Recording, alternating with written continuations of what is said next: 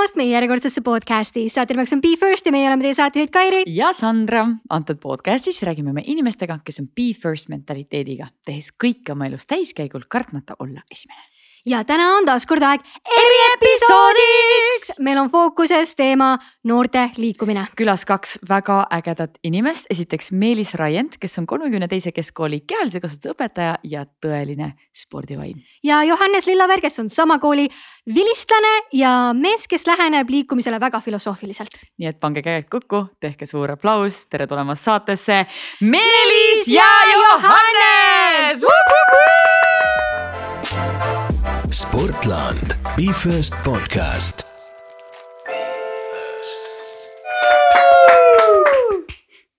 tere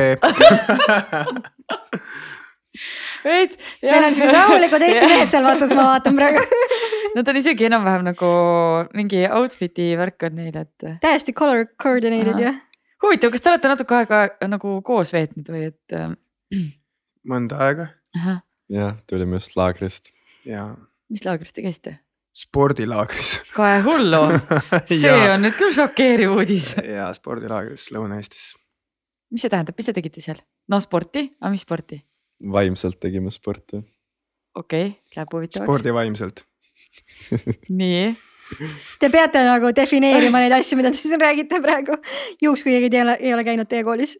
äkki sa, Johannes, teed väike sissejuhatuse, kuna sa olid äh, osaleja rollis? ja, teeme nii põhimõtteliselt siis äh, see oli gümnaasiumilaager, kust me just tulime, et siis äh, kolmest eri vanusest noori, mingi kolmkümmend, nelikümmend noort. ja seal oligi erinevaid sportmänge, sai lihtsalt igapäevaselt testida läbi hästi palju erinevaid spordialasid, et proovida, mis meeldib, mis võib-olla nii palju ei meeldi. siis olid võistlused tegelikult, sõbralikud võistlused, mingi võrkpallis, saalihokis, tiimide vahelised, sai mudas maadelda ja joosta ja hästi palju lihtsalt testida enda kehaga erinevaid põnevaid tegevusi. mida tähendab sõbralik võistlus, kas kõik võistlused ei ole sõbralikud? no ma ei tea, tippsport vahepeal tundub väga karm. kas sa tai-boksi võistlusi oled teinud või? kas Novella just ei rääkinud, et respekt on alati või? no respekt, aga see ei ole sõbralik ma ei tea, see tundus igatahes hästi sõbralik. no okei okay,, ma küsin, ma saan aru, et kes, ei, keskkooli astmene ja kas ainult üks kool? Ma saan aru, et teie kool või siis kõik, kes soovivad? Äh, hetkeseisuga on nii-öelda fokusseeritud ühele koolile, et kolm, Tallinna kolmekümne teise keskkooli õpilastele. aga me vaikselt äh, lubame tulla küll, aga teiste koolide õpilastele, et sõnum leviks. kust selline mõte tuli üldse sihuke laager teha? kosmosest kosmos on hea koht et äh, no kuna ise olen spordivaldkonnas olnud terve elu ja laagrites käinud kunagi korvpalliliidus töötanud ja erinevaid projekte korraldanud, festivale treeninguid andnud ja siis. siis ühel hetkel lihtsalt äh, jõudsid sellisesse punkti, et äh, tahaks teha mingeid asju pisut teistmoodi, kui oled neid näinud või kogenud. ja nagu mitu teed on, ma ei ütle, et mingid teed on õiged või valed, aga saab teha lihtsalt nii, nagu sina näed ja. ja kuidas sa tunned, et see võiks nagu teiste arengut toetav olla. ja kusagil jah, kuus-seitse aastat tagasi tegelikult tuli mu pähe selline nagu bränd nagu spordivaim, et ähm, seal on ka oma point, et, äh, et sport ei ole nagu nii-öelda ainult füüsiline tegevus, vaid samaaegselt äh, paralleelselt, sünkroonselt vaimne tegevus. siis see bränd sisaldab täpselt mõlemat, sport, füüsiline pool, vaim, vaimne pool ja tervikut, tasakaalu. ja läbi meie projektide, sealhulgas ka laagrite, ongi eesmärk äh, teadlik, tasakaalus liikumine, tegutsemine, iseenda äh, tundmaõppimine, teiste tundmaõppimine ja mis kõige tähtsam nagu nautimine. ja mis, mis, mis siin välja tuli, et see selline sõbralik võistlemine, nagu võistlemine, tulemus on spordi lahutamatu osa, see on normaalne, vastasel korral kaotab, mingi mäng kaotab mõtte, kui me näiteks korvpalli lähme väljakule mängima, me ei taha võita, see on pointless, see ei tööta. et see on normaalne, aga nüüd, kuidas me selle mängu ajal käitume kuidas me toimime, kuidas me suhtume teistesse ja kuidas me ka lõpetame selle mängu ja kuidas me peale seda ennast tunneme. et need on nagu olulisemad kui see nagu tegevuse poole ise. et nagu miks me midagi teeme, kuidas me seda teeme, need on pigem enne kui see, mida me teeme. samas need on kõik omavahel seotud tervikuna, nii et äh, sellised mõtted praegu see kõlab nagu laager, kuhu oleks tahtnud minna. Sann, kuidas me keskkooli tagasi saame? Või kuidas, kas, oota, ma saan aru, et te võtate teistest koolidest. ülikoolidest ma lähen, ma lähen sügisel kooli, kas ma kvalifikatseeruksin selle alla? kuhu kooli sa lähed no? ma lähen Tartu Ülikooli, see vist ei ole see või? ei aga kas mingit kokatädit ei ole vaja sinna? kes saab ka vahepeal kaasa teha trenni Jah. onju. kokal on abi küll kusjuures vaja ja ma usun, et oma energiaga sobiksite väga hästi sinna nõusid pesema, nii et taimetoidu. taimetoidu osas on ja ka abi vaja, nii et äh, jaa. Mis okay. mõttes taimetoidu osas on abi või? mis see? no ütleme niimoodi, et, et äh, võib-olla seal Lõuna-Eesti inimestel veel, ma nüüd küll üldistan, aga võib-olla on väljakutse mõista nii-öelda vegan ja taimetoidu sellist valdkonda. et äh, kui me räägime spordilaagri nagu toidumenüüst, siis tegelikult äh, kui sa oled füüsiliselt väga aktiivne, sa pead noh teatud äh, ained kätte saama ja sa ei saa seda nagu ainult salatist. et äh, seal on nagu arenguruumi väga paljudel ja selles, selles mõttes, kui me räägime taimetoidust või mitte taimetoidust, siis mõlemas valdkonnas on ka nii-öelda rämpstoit olemas on ju, või kiirtoit, et tegelikult on oluline see, et mis, mis kujul see toit meie lauale tuleb, et kui värske või vahetult ta nagu loodusest saadud on. või, või kui palju ta töödeldud on, vahet ei ole, vegan, taimetoit või, või lihatoit, aga see me nüüd võib-olla nii laiaks lähe. oota, kas teil laagris oli siis taimne menüü täiesti või kui No- mina soovin, siis ma saan taimset? no meil hetkel on nii, et enne laagrit ei ole nagu taimetoidu või vegan menüü justkui nagu noh, valmis pak-, paketina, aga me registreerimise anname teada või palume siis äh, äh, kirja panna, et kes on äh, kas siis vegan toidul või taimetoidu peal ja siis kokk vastavalt sellele noh, püüab siis leida võimalikult mm, head nagu toidu alternatiivid, ütleme nii, aga seal on arenguruumi, et see hetkel on äh, pisut keeruline, aga me saime vist kuidagi hakkama, et Johannes võib-olla siin võib äh, anda tagasisidet. tegelikult sai söödud küll väga hästi, lihtsalt mõnikord noh, Meelis pidigi ise kööki minema umbes ja natuke aitama seal õhtuti. kui palju meil üldse on noori, kes tänasel hetkel eelistavad taimset toitu? No ma saan tuua ainult näite laagri põhjal yeah., et gümnaasiumilaagris, kui ma natuke täpsustan, et sa ütlesid kolmkümmend, nelikümmend osalejat, tegelikult oli ligi kuuskümmend, siis äh, kuuendik olid mm. -hmm. noh, väga jällegi oluline vahe on taimetoit või vegan on ju, jah, siis äh, hetkel oli jah, kuuendik olid taimetoitlased. issand, kui põnev. no sellest teemast me hakkame rääkima kohe kindlasti igatpidi laagritest, spordist, vaimsest poolest, aga meil on alati podcast'i alguses üks väike mäng. ja teiega tahaks ka seda teha. ja me räägime teie esimestest. Mina alustan lauset, sina lõpetad. mis? mina alustan lauset ja sina lõpetad. no me proovime Johannes on seda juba korra teinud, nii et ja, Johannes teeme võib ära. alustada vastustega ja siis. esimene kooli kehalise kasvatuse tund. kas see on okei okay, rääkida halvast kogemusest ka siin? Otse loomulikult. nii, meil oli minu arust esimeses klassis nagu kehalise asemel pigem rütmika ja esimeses klassis sa ei taha puutuda kõiki neid teisi lapsi ja see oli selline veider kogemus, kus selle asemel, et joosta ringi nagu väike ahvipärdik, nagu sa oled, sa pidid proovima tantsida, mingi ringtantsulaadseid asju. igatahes ma mäletan, et see oli natuke hirmutav ja mõndadel pidi sussid jalga panema, ma vist ei kandnud neid, aga siis ma läksin ühe mingi sildi taha peitu, igatahes esimene klass ja nagu see liikumise pool oli natuke veider. mida sa oleksid tahtnud selle asemel teha? joosta ringi, ma ei tea, kulli mängida nagu lapsena sul on nii palju energiat ja minu arust mingis vanuses nagu teiste puudutamine on natuke hirmus, võib-olla lastel see tuleb nagu erineva tempoga. ja siis lihtsalt natuke veider valik võib-olla nagu esimeseks kokkupuuteks liikumisõpetuseks, meil lasteaias oli nagu hästi lahedad kehalised, mängidki mingi sabakulli ja asju ja viskad palli ja see oli nagu hästi vaba ja siis lähed kooli ja seal minu arust kohe mingi teisest aastast olid mingi tantsutunnid ka, mis lihtsalt väiksena ei töötanud minu jaoks. kui sa peaksid nüüd meenutama, kas tuleb mõni väga hea esimene äh, siis nagu just nagu hea mälestus meelde mõnest kehalise kasvatuse tunnist Ähm, või ütle, ütle esimene mälestus, mis sul kohe pähe tuleb. mulle meeldib, et meie koolis on airtrack ja seal peal saab saltosid teha ja toredad torud on ka, ma mäletan, kui ma tulin, see ei olnud päris kehalise tund, aga ma tulin meie kooli nagu katseid tegema, on ju. Ja siis seal oli sellised vanad torud alles ja siis, kui ma nüüd hakkasin seal koolis õppima, siis meil on seal uus mingi jõulinnak ja seal on väga tore rippuda ja kehalisi tunde teha. no see on üks imeline kool, millest meil on varasemalt ka päris palju räägitud. aga Meelis, mis oli sinu esimene kehalise kasvatuse tund? kas see just esimene oli? mm, ma esimest ei mäleta ilmselt, võib-olla noh, ilmselgelt selle tõttu, et järelikult see ei kõnetanud piisavalt, et oleks tekkinud emotsionaalne side selle kogemusega, aga no mis meil meelde saavad jääda, on ju, kas traum traumad või siis miski, mida sa väga armastasid ja meeldis ja ongi, millega sul tekkis äh, väga tugev emotsionaalne side ja mälestus. nii algklassides paraku on minu mälestus äh, selline, et äh, meil oli üks asendusõpetaja, meesterahvas. ma jätan tema nime tema huvides välja toomata. aga meil oli nii-öelda alguses joondatakse kõik. Nagu mm -hmm. seal mhm. kaitseväes, lapsed on kõik algklassi lapsed, ma arvan, mingi esimene, teine klass, ei teine klass, jah, õige. olin pikas rivis, õpetaja siis seisab meie vastas.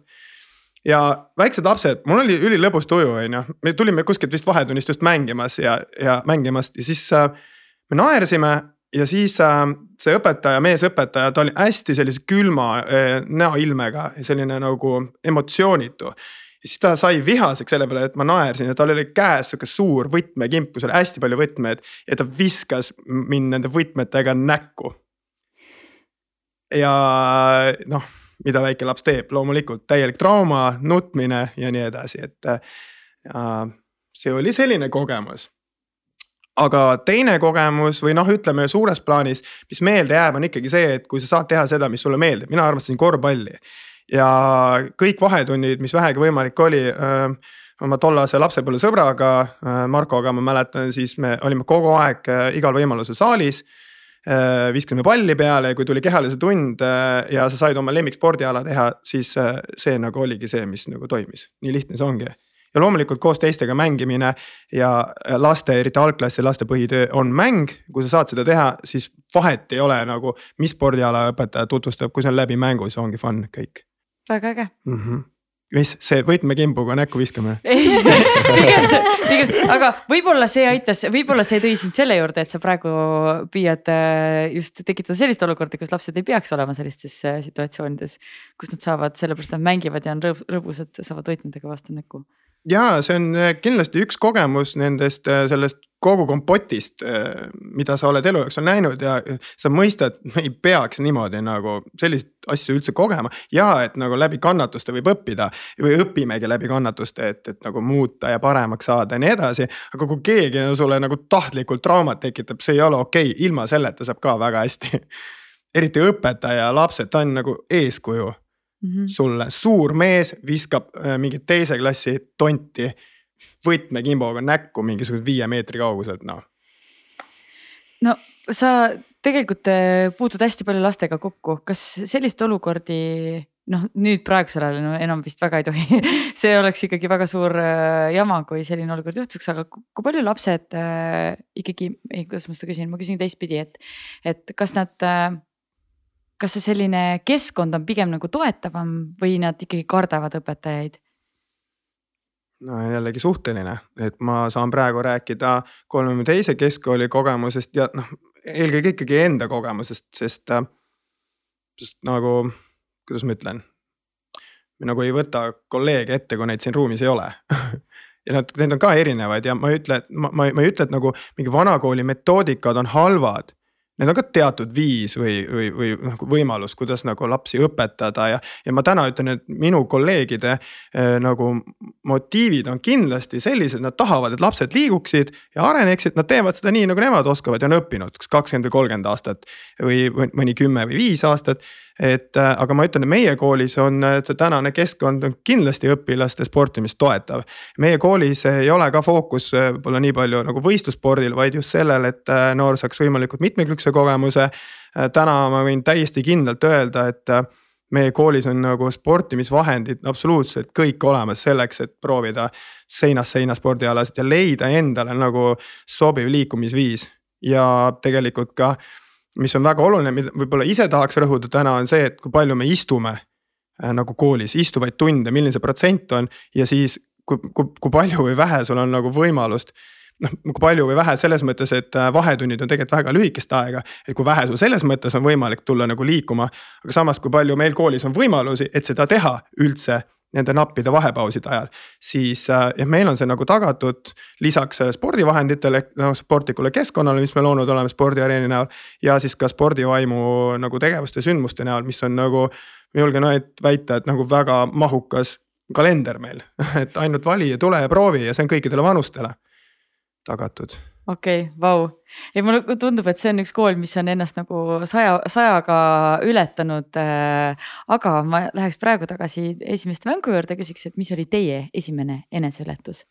ma tegelikult tahtsin ühe asja lisada no, eelmise asja juurde, et äh, võib-olla see, et mis meil hästi töötab, on see, et tihti noored tegelevad meil ka spordiasjadega, ehk siis aktiivsed vahetunnid lastetrennides on tegelikult tihti ka väga nagu noored õpetajad seal, kasvatajad, treenerid, ehk siis minu arust see tekitab ka sellist ohutustunnet veidi, et kergem on noortel minna tegelema spordiga, kui seal ei ole ainult mingi nii-öelda vanemad õpetajad, kes seisavad nurgas, vaid ongi kas aktiivsed õpetajad, kes teevad ise kaasa, on ju, või siis teised noored, kes juhivad seda.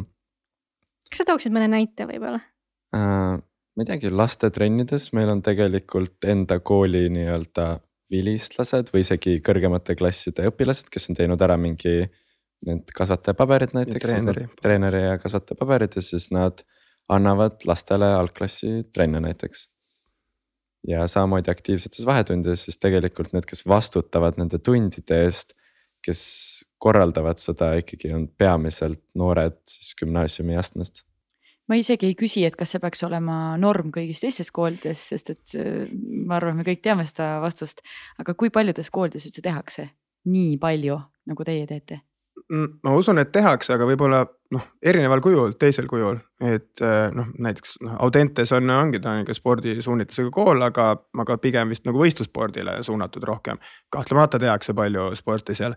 Äh, Saksa gümnaasium on olnud äh, alati läbi aegade väga väga selline sportlik kool just ka koolide vahelistel võistlustel, siis noh, meie oleme pisut erineval kujul võib-olla paljude koolidega selles mõttes, et me oleme taganud just need koolisisesed sündmused just nagu hästi nagu omanäolisel kujul, et, need ja need on nagu suunatud kõigile, mitte ainult nendele, kes trennis käivad või võistlusspordiga tegelevad. vaid et, et põhimõtteliselt vahetunnis või mingitel pallimängutöödel või, või äh, perepäevadel või, või mingi treeningnädalal saavad kõrvuti olla, ma ei tea, näiteks äh, Eesti meister judos on ju ja viiuldaja kõige paremas mõttes ja nad äh, mängivadki lauatennise päeval lauatennist üksteise vastu, neil on mõnus olla, lähevad, võtavad smuuti kohvikust äh, tervisliku smuuti.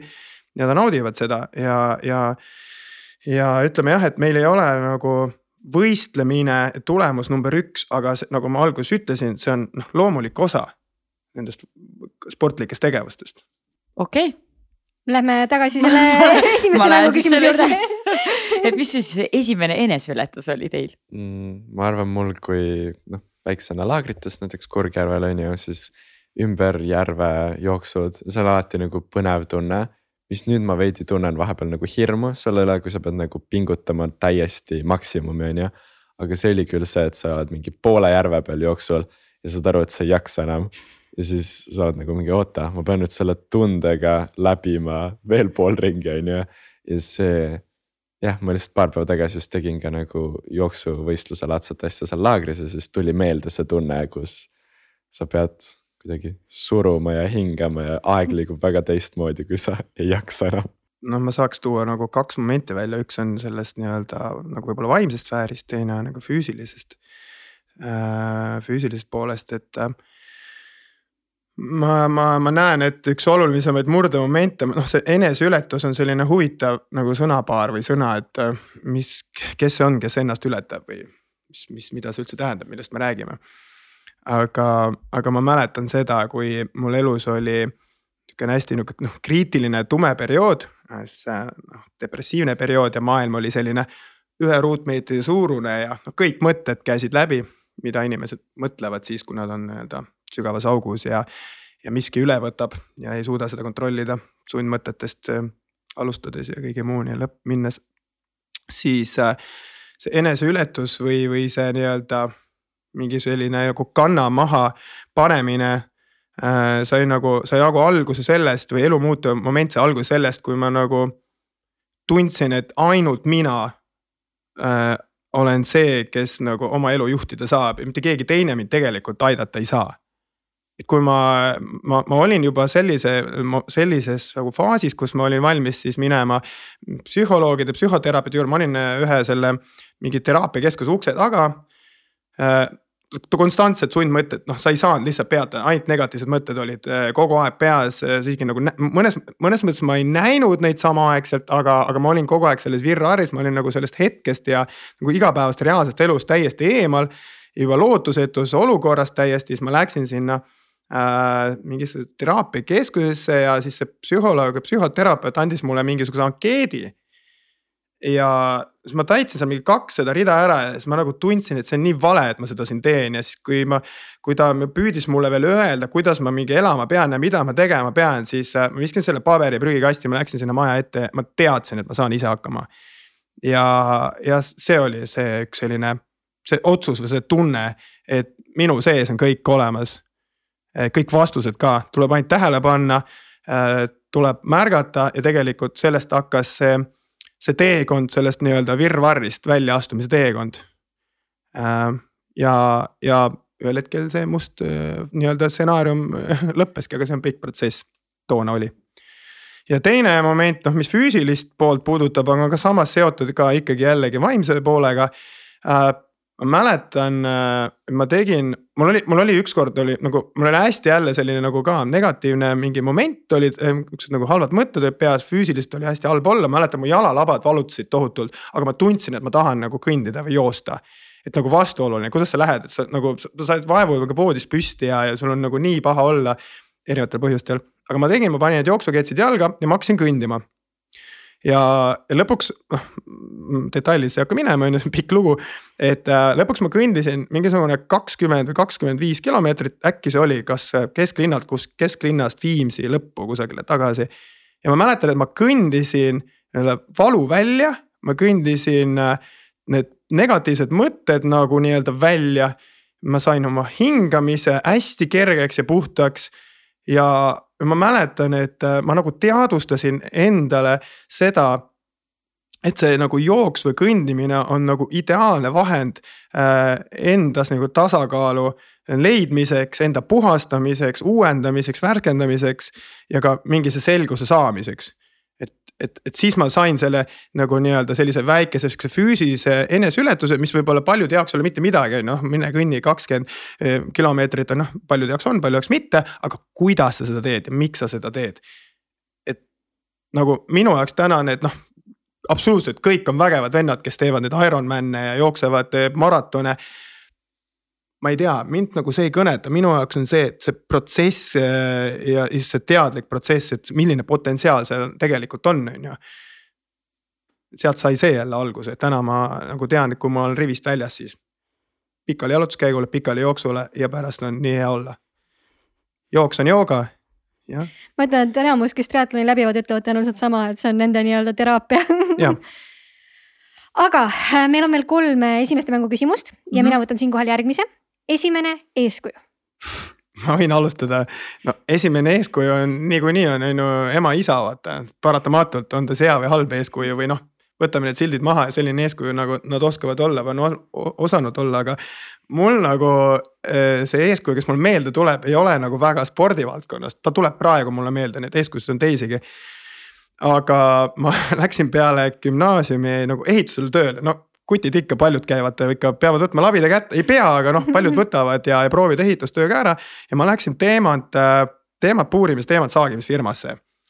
ja seal oli üks tüüp, Priit, kes nagu mulle jäi meelde, ma nagu imetlesin seda, kuidas ta igale olukorrale lahenduse leidis ja kuidas ta nagu tagas meile alati kõik tööriistad, ta läks, näiteks mingi kruvikeera oli puudus, ta läks mingi kohe suvalisse poodi ja ostis kõige kallima kruvikeera, aga me saime normaalse tööriista iga olukord, kus mingisugune teemantsaag või puur jäi kuskile mingi a la, ma ei tea, Saku Suurhallis mingi kümne meetri kõrgusele lae alla kinni, siis vahet ei ole, selle peab lahti saama, ta läks ilma kasvõi julgestuseta, läks, rippus seal mingi puuri küljes on ju, tegi igast asju, ta sai selle kätte. ja ma imetlesin seda ja sealt ma sain selle, et igal olukorral on lahendus sa noh, sa pead nagu tagama kõik vajalikku selleks, et saaks nagu kvaliteetselt tööd teha, on ju. pluss äh, ta nagu hoolitses äh, selle eest, et me saaksime alati noh nagu lõunad söödud, puhatud ja tegelikult oleme ausad, ta aga maksis hästi raha nagu selle eest. noh kõik noh, on kõik, ei pea olema spordivaldkonnast eeskuju mm. -hmm. üks näide. väga hea, rohkem Priite siia maailma. jee, kohvi mõjub juba. mul tuli seda algust kuulates nagu lihtsalt vist enda vanemad tegelikult meelde, et äh, enne ka sind lugedes neid küsimusi veidi läbi ja. enne kui mõtlema, et ma hästi tänulik selle üle, et vanematega väiksena.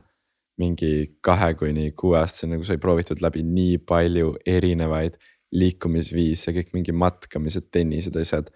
ja lihtsalt see, kuidas sa nagu tegelikult ei mäleta väga palju, mis väiksena toimus, on ju, ja sa ärkad lihtsalt ülesse mingi kolmeteistaastasena ja nagu mõnus on seda keha liigutada, sest et sa oled väiksest peale õppinud seda kasutama ja nüüd ka mingi laagris samamoodi proovid erinevaid nagu alasi. ja need tulevad nagu kergemini lihtsalt tänu sellele, et mu vanemad viitsisid nagu tunde, päevi, aastaid tegelikult lihtsalt vaadata seda pätakat, kes hoiab mingit suurt reketit käes ja ei saa pallile pihta ja nad lihtsalt korduvalt lähevad ja lähevad ja teevad seda tööd ja see lihtsalt kuidagi soe tunne tekkis. Äh, ma tahakski siin nagu, nagu tuua selle välja, et ma märkasin, noh või olen märganud Johannest koolis ja nüüd laagrites ka, väga hea, et selle välja tõid, et. et nii-öelda Johannese vanemad võivad nagu nii-öelda suur aitäh iseendale öelda, pika pai teha, sina ka kindlasti täna neid väga palju selle eest, et sina niivõrd mitmekülgse nagu keha oled tänaseks saanud, noh, mitte ainult keha, vaid ka oma niukse nagu psüühika. jällegi käsikäes, et kuidas Johannes nagu liigub ja on võimeline ükskõik millise spordialaga tegelema, on nagu suurepärane.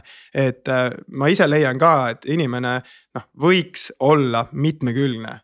et ja see, see algabki sellest, et laps proovib võimalikult palju erinevaid asju, et tema koordinatsioon, osavus, kõik saab õigel hetkel nii-öelda nagu väljundi siis, siis jällegi sa ei pea olema ühes alas nagu väga hea, on ju, võid olla, kui sa leiad mingi asja, mis sind kõnetab, on ju, hoiad tähelepanu sellel. aga nagu su enda elu nii palju põnevam, huvitavam, kui sa oled nagu suuteline noh, kõiki asju katsetama ja sul te- tekib ka eduelamus aga eduelamus on, on ka võimalik siis, kui su keha, noh, sa saad hakkama seal ja kui, kui sa ei ole ainult parema käega oskad põrgatada korvpalli vaata, sest et eh, kõik tahtsid, et sa ruttu viskaksid palju kolmesid, et klubil läheks hästi, on ju. noh, võtsin lühidalt kokku, on ju. noh, Eesti amatöörsport, vaadake neid amatöörsportlasi. Nad on kõik ühekülgselt arenenud ja, ja me paneme tähele, et, et noh, väga paljud leiavad alles teises eluetapis, et kui palju ägedaid asju veel on ja tegelikult, tegelikult ei ole hilja ka kolmekümnest, neljakümneselt äh, saada ennast mitmekülgseks. aga see nõuab väga teadlikku tegutsemist ja tahet ja järjepidevust, on võimalik siis ka, isegi kui noh, mingid treenerid tegelikult on nagu mõnes mõttes pekki keeranud su nagu lapsepõlve kuigi see on üks asi, mida ma olen kuulnud lapsevanemate suust hästi tihti, et kus nad teavad, et mis hetkel on see, et peaks last ikkagi nagu push ima, et ta mingit spordiala teeks, et ta ei oleks sihuke, kes käega lööb igale asjale, mis ta elus teeb. ei pea push ima üldse. lastel on äh, nagu loomulikul kujul kõik alguses olemas, pigem on see, et, et miks, miks on läinud nii, et ta ei taha äh, ühel hetkel nagu mängida, joosta, hüpata. et äh, me, me, me peame nagu tagama äh, lapse arengut toetava keskkonna, pakkuma talle hästi palju erinevaid nagu väljundeid, olema toetavad, armastavad. võib-olla niimoodi, et noh, mõistlikul kujul nagu suunavad, aga me ei peaks ütlema lastele nagu, mida nad tegema peavad et äh, küll nad valivad ise, et äh, lastel on nagu see selline lo- loomulik, loomulik soov ja tahe olemas liikuda ja mängida, et et lapsevanem ei pea muretsema, et kui iga kahe nädala tagant laps tahab spordiala vahetada. äh, mingis faasis on normaalne, kui ta tahab äh, noh vahetada ja proovida ja tegelikult ega miks ta ei ole nagu ka, ta ei ole ka kunagi hiljem nagu vale et võib-olla ta tahab, ma ütlen, ta tahab saada näitlejaks, on ju, või, või muusikuks ja, ja, ja siis ta sealt kõrvalt teeb erinevaid spordi, okei okay,, kui me räägime nagu sportlase teekonnast, siis äh,. Siis jah, siis tuleb tegelikult nagu ühel hetkel nagu temaga rääkida ja anda nagu mõista, on siis treener või lapsevanem või õpetaja, et kui sa nagu tahad mingis mingis alas nagu hea olla, väga hea olla, siis sa pead sellega järjepidevalt tegelema, sa pead oma tähelepanu sellel hoidma, et siis, siis sa ei saa nagu hüpata ühelt alalt teisele. see on sama asi, et võta, kui näiteks ma ei tea, auto sõidab, on ju punktist A punkti B on ju Tallinnast Tartusse. aga ta kogu aeg sõidab vahepeal mingi külavaheteedel on ju mis ta ei jõuagi kunagi Tartusse või siis, või siis jõuab ja ei tea järgmises elus noh, täpselt on selle spordiala ka, kus sa tahad tippu jõuda on ju. loogiline. samas on nii põnev sõita niimoodi erinevaid väikseid teid pidi, sest et sa ei tea ku, kunagi, kuhu sa täpselt jõuad ja keda sa kohtad ja, ja mis ägedaid asju sa seal teha saad. Aga noh, jah, ütleme nii, et äh, Tartusse jõudmine võtab ikkagi kauem aega. Äh, küll aga äh, liigume edasi, meil on kaks küsimust jäänud. räägime teie esimesest piinlikust momendist. mis tuleb kohe pähe? ma arvan, ma ei mäleta ühtegi päriselt piinlikku hetkest, et aju on need ära kustutanud sest nad olid piinlikud. no aga midagi peab ikka meelde tulema.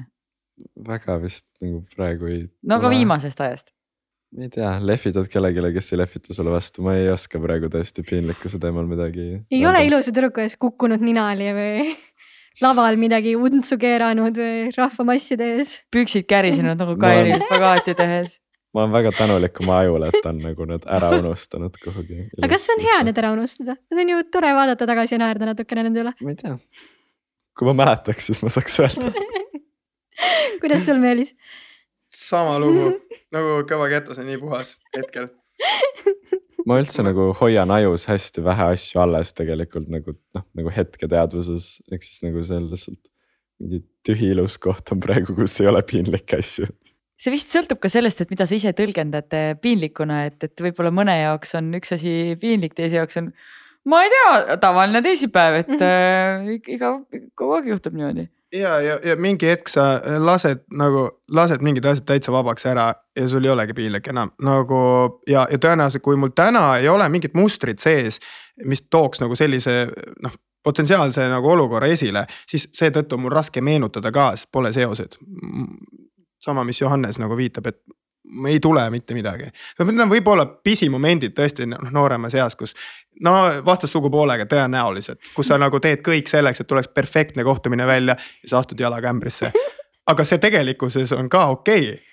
aga siis on see täielik mingi tragöödia, sest sa arvad, et sellest sõltub kõik ja võib-olla sõltubki no ei teagi, kas see on nüüd hea või ei ole hea, et teil peas ei ole neid mälestusi, võib-olla kui ära lähete saatest, siis nüüd me oleme pannud seemne idanema, et pärast helistate meile, räägite kõik piinlikud momendid ära. aga meie esimeste mängu viimane küsimus. esimene võistlus. huvitav, kas ma rääkisin mingi sügisel podcast'is sellest, igatahes ma jooksin väiksena vanematega liivases võidu, nagu iga kord, kui me läksime randa, sa said joonistada ise raja sinna vaata liivasesse. ja siis me tegime võidujookse see alati põnev, ma alati kaotasin isale siis ma nutsin ja siis ma jooksin emaga. siis ema lasi võita ja siis ma võitsin laste ja spordi ja see emotsionaalsus, vaata, mis me ennem ka rääkisime, siin on ju, et kuidas kasvatada last näiteks mitte alla andma, on ju. see tundub väga keeruline, ma loodan, et lapsed saavad nagu ise hakkama sellega, et kui keegi ei ütle midagi halvasti, et ma tunnen, et vanemate poolt lihtsalt laske tal kasvõi nutta, kui ta kaotab, sest et noh, see on laps vaata ja ta saab üle sellest tegelikult ja. aga mis sa ise arvad, kas on oluline, et äh, üks lapsevanem laseks sul aeg-ajalt võita ka? Jaa, või siis leida mõni sõber, kes on siis natuke aeglasem, et no nagu mitmekesisuse pärast on ju. aga ma ei tea, ma ei usu ka, et kogu aeg võitmine oleks tähtis, sest et siis see kaotus on valusam, mis tegelikult ei oska kaotada. no minu lapsepõlv üldse oli tegelikult üks paras udus elamine. see on eraldi teema um, ja seetõttu need mälestused on ka sellised väga veidrad nagu segased, pea laiali ja otsas.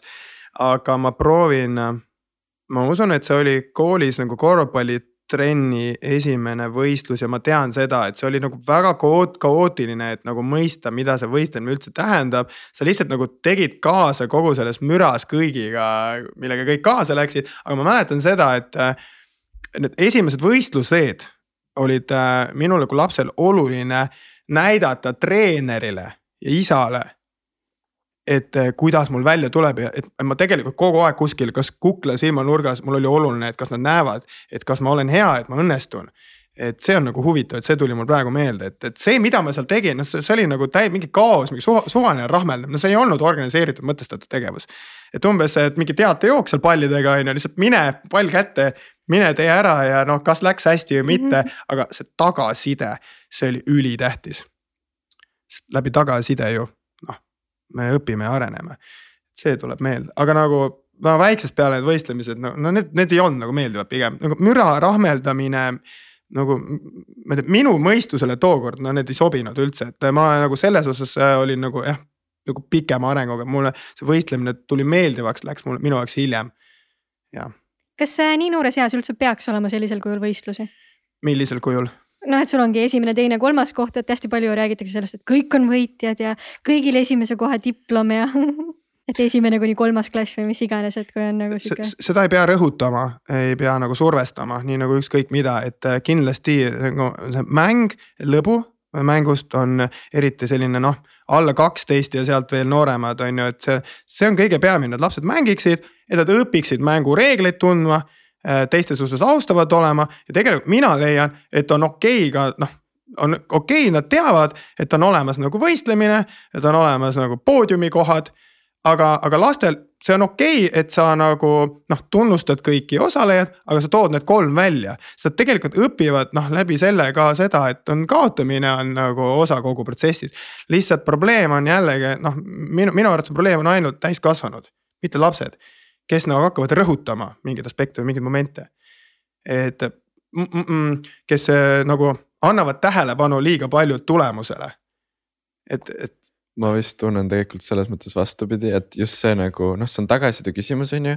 aga minu arust palju hullem on see tagasiside, kus teised lapsed teevad su üle nalja, kui sa midagi ei oska kohe.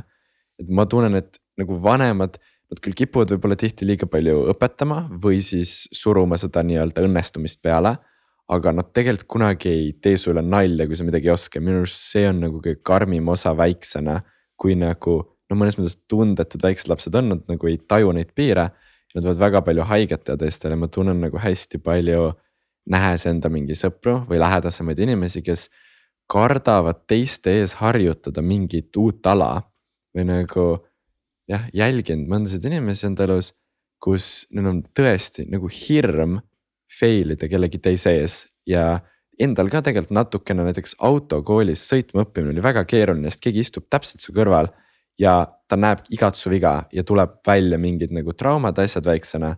aga kui ma mingi rula õpin üksi kuskil enda tänaval, siis täiega kerge, et ma tunnen, et see laste, ma ei tea, nagu lapsed võivad vahepeal väga karmid olla kas siinkohal on meil üldse midagi teha nii-öelda vanemate inimestena ehk siis lapsevanematena, treeneritena, et kuidas seda naeruvääristamist ja seda poolt kuidagi reguleerida, aidata, proovida?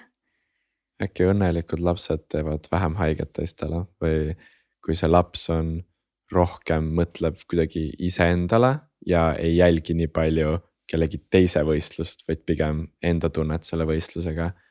ja ma ei tea.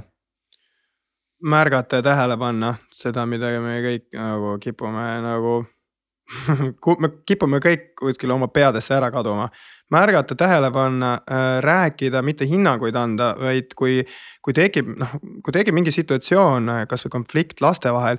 et kuulata ära laps, mitte hakata rääkima, panema mingit oma pähe õpitud teooriat äh, nende peale. vaid kuulata nad ära, esitada neile küsimusi, et nad ise vastaksid, et nad õpiksid ise vastama, sest muidu nad, muidu nad salvestavad ära nagu selle mingi tarkuse, mida meie neile nagu ütleme, et nad, nad, nad, nad ei hakka ise olukordasid lahendama, ise lahendad sa olukorra ära siis, kui sa ise esitad teadlikult küsimusi. nii et äh, kui, kui meil nagu lastetrennides tekivad mingid olukorrad, siis äh, ma toon näite. Mm, noh, ta, ta jääb laias plaanis sellesse teemasse praegu, aga näiteks ükskord tuli üks väike poiss minu juurde. ja ütles, et äh, noh, seal laps A ütles talle, et ma olen loll, on ju küsisin, et, et kas sa oled loll? ei, aga siis on kõik hästi ju, siis ta naeris ja läks tagasi mängima, kõik. no see ei tähenda, et see teine laps nüüd noh, peaks nagu puhtalt pääsema, et ma tegelesin temaga ka samamoodi nagu, et äh, ma küsisin, küsin, mu küsimus on alati, kuidas sa tunned kas see, mida sa praegu tegid, kas see on õige teise inimese suhtes, mitte ei hakka kohe hukka mõistma. ja see, et ta tegelikult ise tunnetab ja läbi selle nagu tunde saab vastuse, et mõistus nagu nii-öelda kodeerib talle selle õige vastuse, mitte see, et ma ütlen talle ära nii ütle, et see on vale nagu. et tegelikult mingitel hetkedel võib-olla on vaja ennast ka välja elada nagu sellise, kus keegi torkas mind, on ju. ja kui ma nüüd seda alla surun, on ju, siis ma lõpuks kannatan ka ise, et, et need lapsed on väga nagu, nad on vahetud, ausad ja nad ütlevad otse välja nagu mingitel hetkedel nii nagu on nagu. et kui keegi on jobu ja ta ütleb selle otse välja, siis no käituski nagu jobu nagu. aga see ei tähenda, et me peame nagu aktsepteerima nagu selliseid tegevusi ka laste puhul, mis teistele kannatusi põhjustavad. nii et emad-isad, äh, õpetajad, treenerid, kõige tähtsam on tähele panna ja märgata, kõik on kusagil ära kogu aeg. Telefonides, oma mõtetes, arvutites ja lapsed äh, nagu tegutsevad oma pead.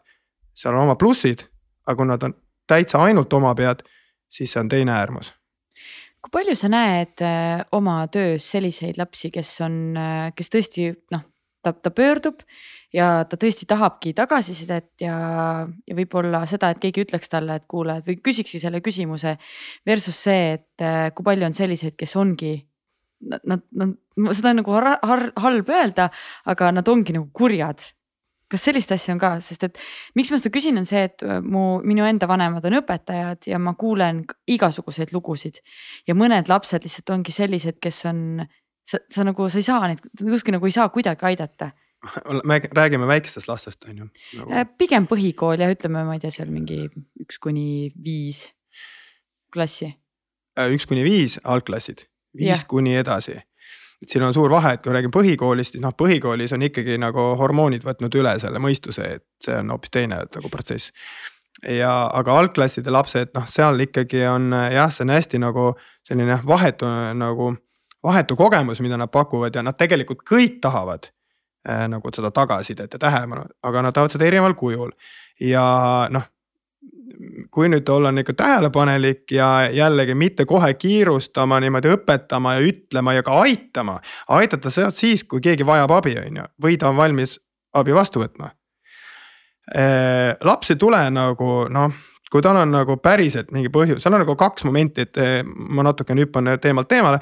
et õpetaja, treener peaks nagu eristama seda, milline on see nii-öelda päriselt põhjuslik vajalik küsimus mürast.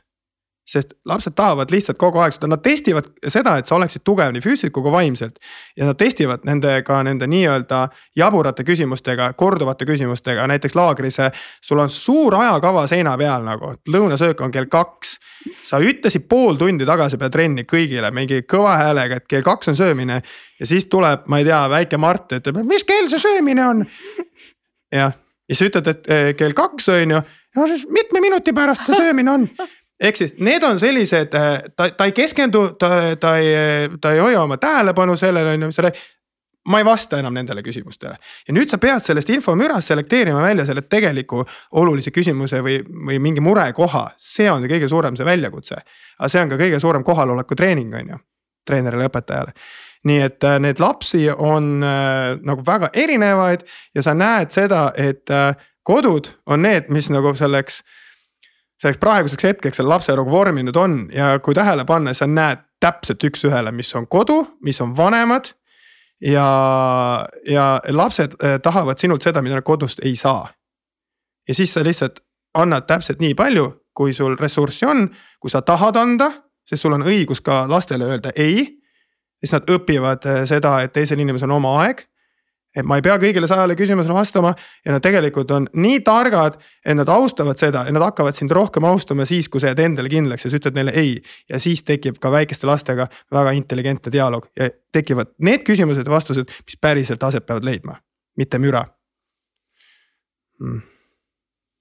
ma lihtsalt lisaksin siia tõesti, et see mürast selle õige info eraldamine seda on nagu näha igapäevaelus nii hästi, kui tähtis see on, et ma käisin ka seda lastelaagrit filmimas seal. ja see on nagu võimas tunne, kui tegelikult on nagu ära näha, millisele küsimusele laps päriselt vajab vastust ja millisele mitte. see on, ma arvan, üks kõige tähtsamaid asju nagu üldse tegelikult kõigi inimestega, nii naiste kui sõpradega tegeledes, et mis on nagu teist ja mis on päris probleem ja küsimus kas seda praegu. kas seda on võimalik õppida kuidagi, et mul on sõbrannal näiteks väiksed lapsed, ma tahaksin ju võimalikult hästi osata nendega suhelda ja aru saada, on ju, et mida nad päriselt must vajavad. aga kas seal on mingid tööriistad või asjad, kuidas ma saaksin seda õppida? et mõista teisi tuleb mõista enne iseennast. ja nagu kõik kipuvad ise rääkima, aga ei kuula teisi. ja et kui, kui, kui meie, meie nagu sees ühel hetkel mingi selline nagu rahu saabub, siis me hakkame ka kuulama päriselt teisi ja kui me oleme ise rahulikud, vaikselt, siis me kuuleme ka kohe õigeid vastuseid. ja noh, see on sama, et kui sa oled nagu järve ääres, on ju. kummardad kaldale ja lööd käega, peksad seda järve vett, on ju. noh, sa ei näe selget pilti. natuke aega rahunema, vesi läheb selgeks, setted kõik langevad, sa näed selget pilti, sa näed selget vastust. ja teinekord, kui keegi tuleb sulle midagi rääkima, muret kurtma, siis ei ole vaja rääkida, piisab ainult, et sa kuulad ja see inimene saab sellest abi, oled peegel tema jaoks. ja, ja nii ongi, et me, me, me, me ei saa ja me ei saa nagu aidata lapsi, me ei saa olla neile nagu toetavad eeskujud, kui me ei ole ise tugevad ja mida ma olen mõistnud, on hästi-hästi huvitav asi. No ma olen korduvalt sellesse ämbrisse astunud, et õpilastega võib olla teatud mõttes nagu sõber. aga sa ei tohi minna liiga sõbraks, sest siis kaob ära austus ja neil ei ole suuremas plaanis õpetajalt mitte midagi õppida. nii et äh, mina leian, et YOLO teema ei tööta pikas plaanis. YOLO õpetajate teema, et võib-olla koos lõbus äh,, mingeid mänge teha, aga mingist piirist ei tohi, tähendab õpetaja ei tohi minna laste tasandile äh, lapsikus mõttes, lapsemeelsus on väga hea, kui täiskasvanu inimene on ka avatud, mänguline, valmis uusi kogemusi vastu võtma. aga kui ta äh, nagu jääb lapsikuks, ta jääb lastega samale tasandile. ei ole mitte midagi lastel õppida ja need lapsed panevad puid alla, et õpetaja ei oleks see. sest nad tahavad õppida, nad tahavad õpetajalt saada uut infot, uusi kogemusi, tarkusi see oli vist äh, rekord esimeste episood esimeste mäng meil jah aga äärmiselt äh, sisukas on juba siiamaani olnud, aga meil on äh, täna siis eesmärk keskendudagi siis peamiselt sellele, et kuidas me saaksime inspireerida noori rohkem liikuma, kuidas aidata lapsevanemaid, et nad oskaksid paremini suunata. nii et võib-olla alustaks korra teie taustast selles mõttes, et miks teie sporti teete ja liigute? Mitmekesisus, tahaks lihtsalt kogeda seda elu võimalikult hästi ja elus on lihtsalt minu arust palju kergem olla, kui me suudame neid asju teha efektiivselt, mida me teeme, kui mul on mõnus istuda siin toolis, siis ma suudan päriselt keskenduda siin toolis istumisele. ja ma ei tea, see lihtsalt hästi nagu suur osa tegelikult, miks mulle liikumine meeldib, on see, et see on väga funktsionaalne. ma elan selles kehas ja see on keeruline kui ma ei saaks selle kehaga hästi läbi. ja tihti see ongi väga selline mänguline või igapäevaline liikumine, et ma otseselt ei tee mingi jõutrenni mingi teatud arv kordi nädalas või ma isegi ei tegele praegu hetkel kindlalt ühegi spordialaga, vaid see pigem ongi liikumine ja lihtsalt see mõte sellest, et saad läbi spordi avastada meie ruumi, nii linnasid kui metsi palju mitmekesisemalt ja sügavamalt, nagu see mõte sellest, et ma saan istuda puu otsas või ma saan joosta, kui mul tekib tunne. või ma saan, ma ei tea, kasvõi linnas nagu, ma ei tea, veidi teistmoodi liikuda, hüpata ühelt äärekivilt teisele või kuskil saltot teha. siis see lisab nii palju särtsu nagu elule juurde, see on lihtsalt meeldiv kogemus. lihtsalt kuskil saltot teha, jah, niimoodi sa võid võib-olla lihtsalt paari sõnaga öelda, et mis su taust üldse on, et ah,, okay, et lihtsalt inimesed ei arvaks, et Lähen jalutan enda salto. okei okay,, nii siis väiksena ma tegelesin hästi palju mingi mägedes ronimise ja mäesuusatamise ja tennisega nagu väga väiksena, siis Eestisse tulles ma käisin suusatrennis ja tegin nii-öelda klassikalist sporti, kus ikkagi mõte oli võistelda ja võita, see oli kuni mingi seitsmenda klassini äkki. ja sealt edasi olen peamiselt teinud parkuuri. nüüd viimased võib-olla aasta aega pigem nimetaks lihtsalt liikumiseks seda, et hästi põnevad on mingi nagu loomade liikumisi, sellist hästi nagu loomalikku või nagu üldist liikumist, et mul veits nagu filosoofiline probleem vahepeal aladega, mis on väga spetsiifilised. et näiteks lauatennis ma oskan väga hästi liigutada enda paremat kätt, et lüüa väikest kerget palli, mis on nagu tuulest ja kõigest mõjutatav. aga liikumine näiteks mingi jooksmise, parkuuri asjaga, see on üldine, et ma olen parem inimkeha, ma suudan olla hästi nagu, see on nii palju multifunktsionaalsem oskus. et mul on kergem õigustada selle tegevust ja see on, ma arvan, praegune asi, lihtsalt selline liikumine. sest mulle meeldib liikuda ja nii lihtne ongi tegelikult ju, et eh, tunneme ennast hästi ju siis, kui me teeme seda, mis meile meeldib.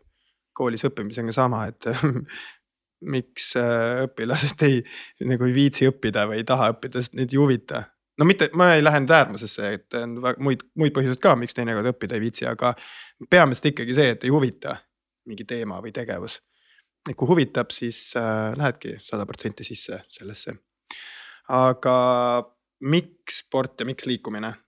sest äh, kui me nüüd vaatame meid siin ruumis, siis meil on mingi füüsiline vorm, on ju, keha.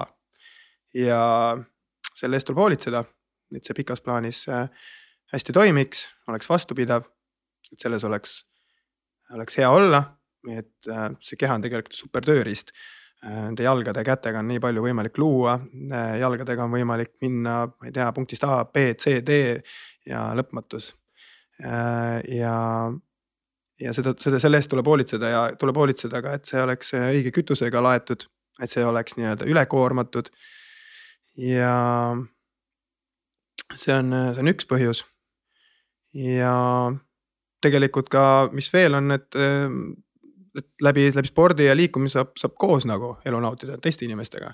et liikumine ja mäng on kaks sellist kosmilist protsessi, et me oleme andnud mingid noh, nimetused on ju, noh.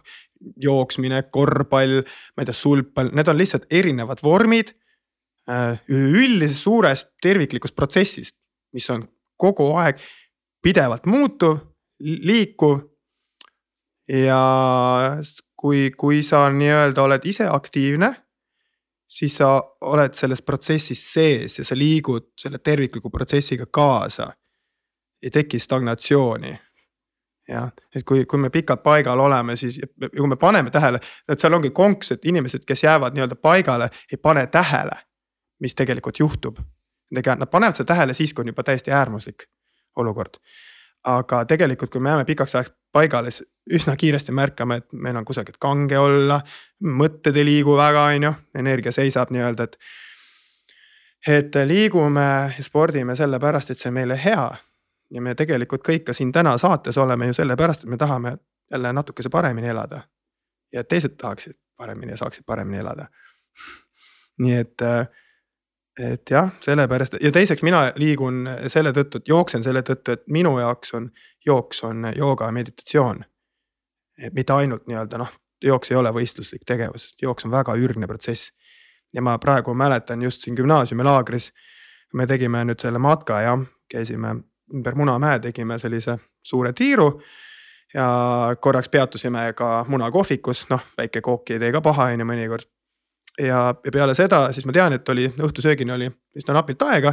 ma otsustasin, ma lähen jooksuga, kuigi oli juba noh, kaksteist kilomeetrit oli kõnnitud, aga enesetunne oli hea, ma usaldasin seda. ja see jook seal metsa vahel üksinda pika sammuga mööda neid äh, siukseid noh, künkad Eestis, künkad, võimsaid mägesid see pika sammuga jooks, kus sa tunned, et sa absoluutselt ei väsi ja sa oled nagu mingi metsloom vaba põõsaste vahelt, hüpetega kividelt, kändudelt ja. ja see nagu kiirus ja samal ajal selline nagu sügav hingamine ja, ja selline vaba kulgemine selles tempos. see oli, see sellel hetkel oligi see selline nihuke meditatiivne tunne, kus sul keha, nii mõtted, emotsioonid, energia, hingamine, kõik on ühes punktis, sa oled tervikprotsess ja sa oled selle kõige, kõige kogu suure protsessiga seotud et mina, mina olen aktiivne selle tõttu ja loomulikult äh, jah, selle tõttu, et ka tegelikult teistele eeskujuks olla, et, et, äh, et ähm, kõik teised ka nagu leiaksid oma liikumisviisi ja, ja tunneksid ennast hästi. Teid kuulates tundub, et teil on konkreetselt armastus liikumise ja spordi vastu aga teadupoolest kõigil inimestel ei ole seda tunnet, et nad ei ole üles kasvanud nii, et need oleks näha, on ju, et vanemad liiguvad. Nad ise ei tunne ennast mugavalt oma kehas liikudes. kuidas sellised inimesed spordi juurde meil meelitada? huvi tekitamine, ma arvan, nagu vähemalt ise ma tunnen teiste inimestega rääkides nagu üks kõige raskemaid asju, mida nii-öelda lahti harutada, aga üks asi, mida vähemalt mina tundsin kasvades suureks, et meil on meil on väga tugevad hierarhiad nagu, mis on tähtis nii-öelda ühiskonna poolt, on ju. ja näiteks see laager on, oli väga imeline koht ja mängud on hästi imeline koht, kus me loome uue hierarhia. äkitselt ei ole enam kõige tähtis, mis ülikoolile sa lähed, millal sa kaitseväkke lähed või mis tööd sa teed näiteks Tallinnas. vaid kõige tähtsam asi on korraks lüüa see pall teisele poole mingit võrku ja see on selline nagu maagiline nagu põgenemine väiksesse maailma, kus on uued väärtused. Ja läbi selle, kui me unustame ära ühiskondlikud väärtused ja loome ükskõik läbi mis mängu või laagri või keskkonna enda uued väärtused, siis me saame anda võimaluse huvidele, sest ma tundsin küll enda elus, et tihti see segab nagu sellist, sul jääb tunne, et sa teed nagu mõttetut asja, kui sa lähed rulaga sõitma õue, kuigi must ei saa kunagi tippsportlast rulal, ma ei ole selles eriti hea. See on nagu ühiskondlikult, ma ei paku mitte kellelegi väärtust sellega, ehk siis väga raske on seda tegelikult nautida sama sügavalt, nagu ma naudiks mingit muud asja, kus ma olen teistele kasulik. selle tõttu ma arvan, selliste enda keskkondade loomise, kus inimesed saavad nii-öelda, ma ei tea, ongi lihtsalt sporte ja mänge proovida, et see on, ma arvan, väga tähtis huvi loomiseks. see on, see on natuke nagu selline sekundaarne väärtus, et, et midagi, mida noh, et kui sa ütledki, et, et äh, kui sa lähed rullaga sõitma, et siis sinu eesmärk või tähendab, teised inimesed vaatavad, et aa, tast ei saa kunagi rullasõitjat. aga samas, et sa oled nii kaalukas ja, ja ma ei tea, suudad mõelda klaarilt, see on, see on tegelikult palju suurem väärtus nagu pikas perspektiivis yeah.. kuidas seda kultiveerida, kuidas seda teistesse inimestesse saada, et nad ei jääks kinni sellesse sellesse esimese layer'i saavu- või nagu väärtusesse. mida rohkem me saame enda väärtust läbi enda, seda rohkem, seda vähem nagu mängib rolli siis ühiskonna hierarhiad, on ju. ehk siis ongi mina ise enda elus näen peamiselt kahte võimalust, kas ma muudan oma keskkonda. näiteks lähen laagrisse, kus väärtustaks seda, et ma oskan sulgpalli mängida. või siis ma olen piisavalt iseendas, et ma unustan ära need ühiskondlikud väärtused ja ma lihtsalt tunnen mõnu sellest et ma sain täna näiteks kõrgemale hüpata või et see oli lõbus veereda. ja see nagu mingi jah, lihtsalt iseenda seest väärtushinnangud on päris kasulik. see oli lõbus veereda, millal sa Sandra viimati veeresid? Äh, nagu sõna otseses mõttes eelmisel nädalal oma longboard'iga. Mul tulevad täna rullluisud, me mingi päev proovisime koolis rulluisutamist, mulle väga hakkas meeldima veeramine ja siis ma ostsin endale rulluisud, need jõuavad täna mingi paari tunni pärast kohale. ma olen väga elevil, et ma saan veereda, see on nagu üks funktsioon, mis meie jalgadel ei ole olemas, mis on täiega vajalik funktsioon kusjuures tead, mis ma praegu hetkel taipasin või, rääkides longboard'ist ja veeremisest. Äh, ma sõitsin siis, kui ma sõitsin hommikul ujuma ja sa lähed, ma lähen hommikul kell seitse, mis tähendab, et äh, tänavad on tühjad. ja tead, mida ma kõige rohkem nautisin selle juures või, et mul oli sihuke nagu jakk oli seljas ja see lendas. ja see oli nii äge tunne ja ma ei saa seda tunnet mitte mingit teistmoodi kui see, et, et no ma võib-olla võin joosta. ja see ei ole sama. Ja siis ma lükkasin ennast ja siis see nagu tuule käes niimoodi lendas ja ma tundsin, et vau, appi kui lahe, ma tahaks seda veel tekitada. jah, see ongi elu, see on nüüd, elu, need hetked nagu, kus asi lendleb lahedalt ja sa oled lihtsalt excited sellele, see on kõige tähtsam, ma arvan. ja see on hea, et sa nagu tähele paned seda, et seda nagu kogemust ja seda, et sa koged tuult või näiteks mingit sooja, sooja õhku või, või nagu see kuuma lainega oli, et kui sa oled seal liikumises ja sa naudid seda eh, noh, sellisel temperatuuril, mis ta parasjagu on, siis tunnetad päikest oma näole langemas ja oled samal ajal liikumises. kohal olles läbi spordi, see on, ongi nauding nagu, jah. kas sul on eh, täiendada äkki, Meelis, selles osas, et kuidas eh, meelitada noori rohkem liikuma? Kui ei ole seda innate nii-öelda armastust selle vastu. võib-olla ongi mingi trauma olnud, kehalises kasvatuses on nii kohutav olnud, et ma ei tahagi elu sees enam jooksma minna. ja seda on väga palju, no ma annan äh, gümnaasiumi neidudele kehalist ja mm, kui nad tulevad kümnendasse klassi, on neid lugusid ka, kus öeldakse, et väga rahul õpetajaga ja seda on tore kuulda, et on positiivseid kogemusi, aga üsna kurb on ikkagi kuulda, et mida on üheksa aastat tehtud või ei ole tehtud eest nagu, mis on neidude kehaline kasvatus, hästi ühekülgne. ja tegelikult ka on traumasid palju eh, selle tõttu, et survestatakse tegema seda, mida ei taha teha lihtsalt selle ja teiste ees, sest et inimesed on väga erinevad, väga erineva sellise maailmatunnetusega, on introverdid, on ekstraverdid. ja me peame olema väga kohal, väga ettevaatlikud, eh, kellega me suhtleme ja, ja, ja mida me ja kuidas müüme tegelikult on nagu see, et ähm, kõik on müük mingil määral või noh, tegelikult ongi ja. ja, ja sa ja sul, su müük õnnestub sul siis väga hästi, kui sa tead, miks sa seda teed ja, ja sa tõesti südamest soovid, et teistel inimestel oleks nagu parem olla sellest, mida sa müüd. ja et sa usud sellesse, et äh, nagu süda loeb. mõistus on vahend head mõtted võivad olla, aga kui sul süda taga ei ole, eh, siis, eh, siis need asjad nii efektiivselt ei toimi, et me ikkagi üksteiseni jõuame läbi südamete. ja, ja ma, ma leian, et mehed nagu võiksid ka julgemalt seda tunnistada.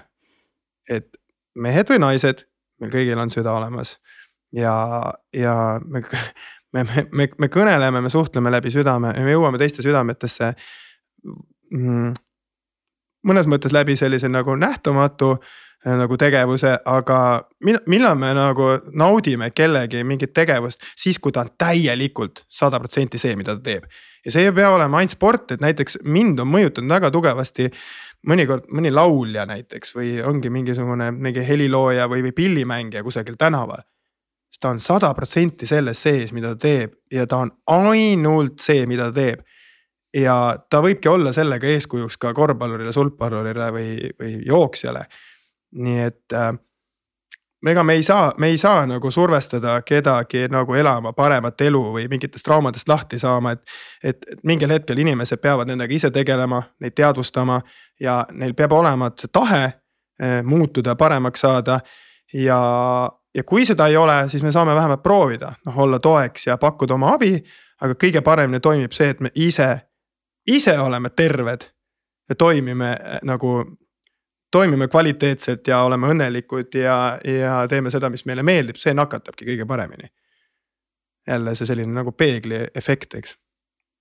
jah kuna meil on päris mitu külalist käinud, kes tegelikult tegelevad spordiga ja on öelnud, et kehalise kasvatuse trauma on täitsa taustal olemas, siis minu küsimus on see, et ütleme, et mina näiteks kehalise kasvatuse õpetaja või treenerina tahan anda kõige paremat, aga kas mul on riigi poolt antud ette ka mingisugune asi, kuidas ma pean asju tegema? et kas see on ka süsteem, mida me peaksime muutma või ei peaks muutma?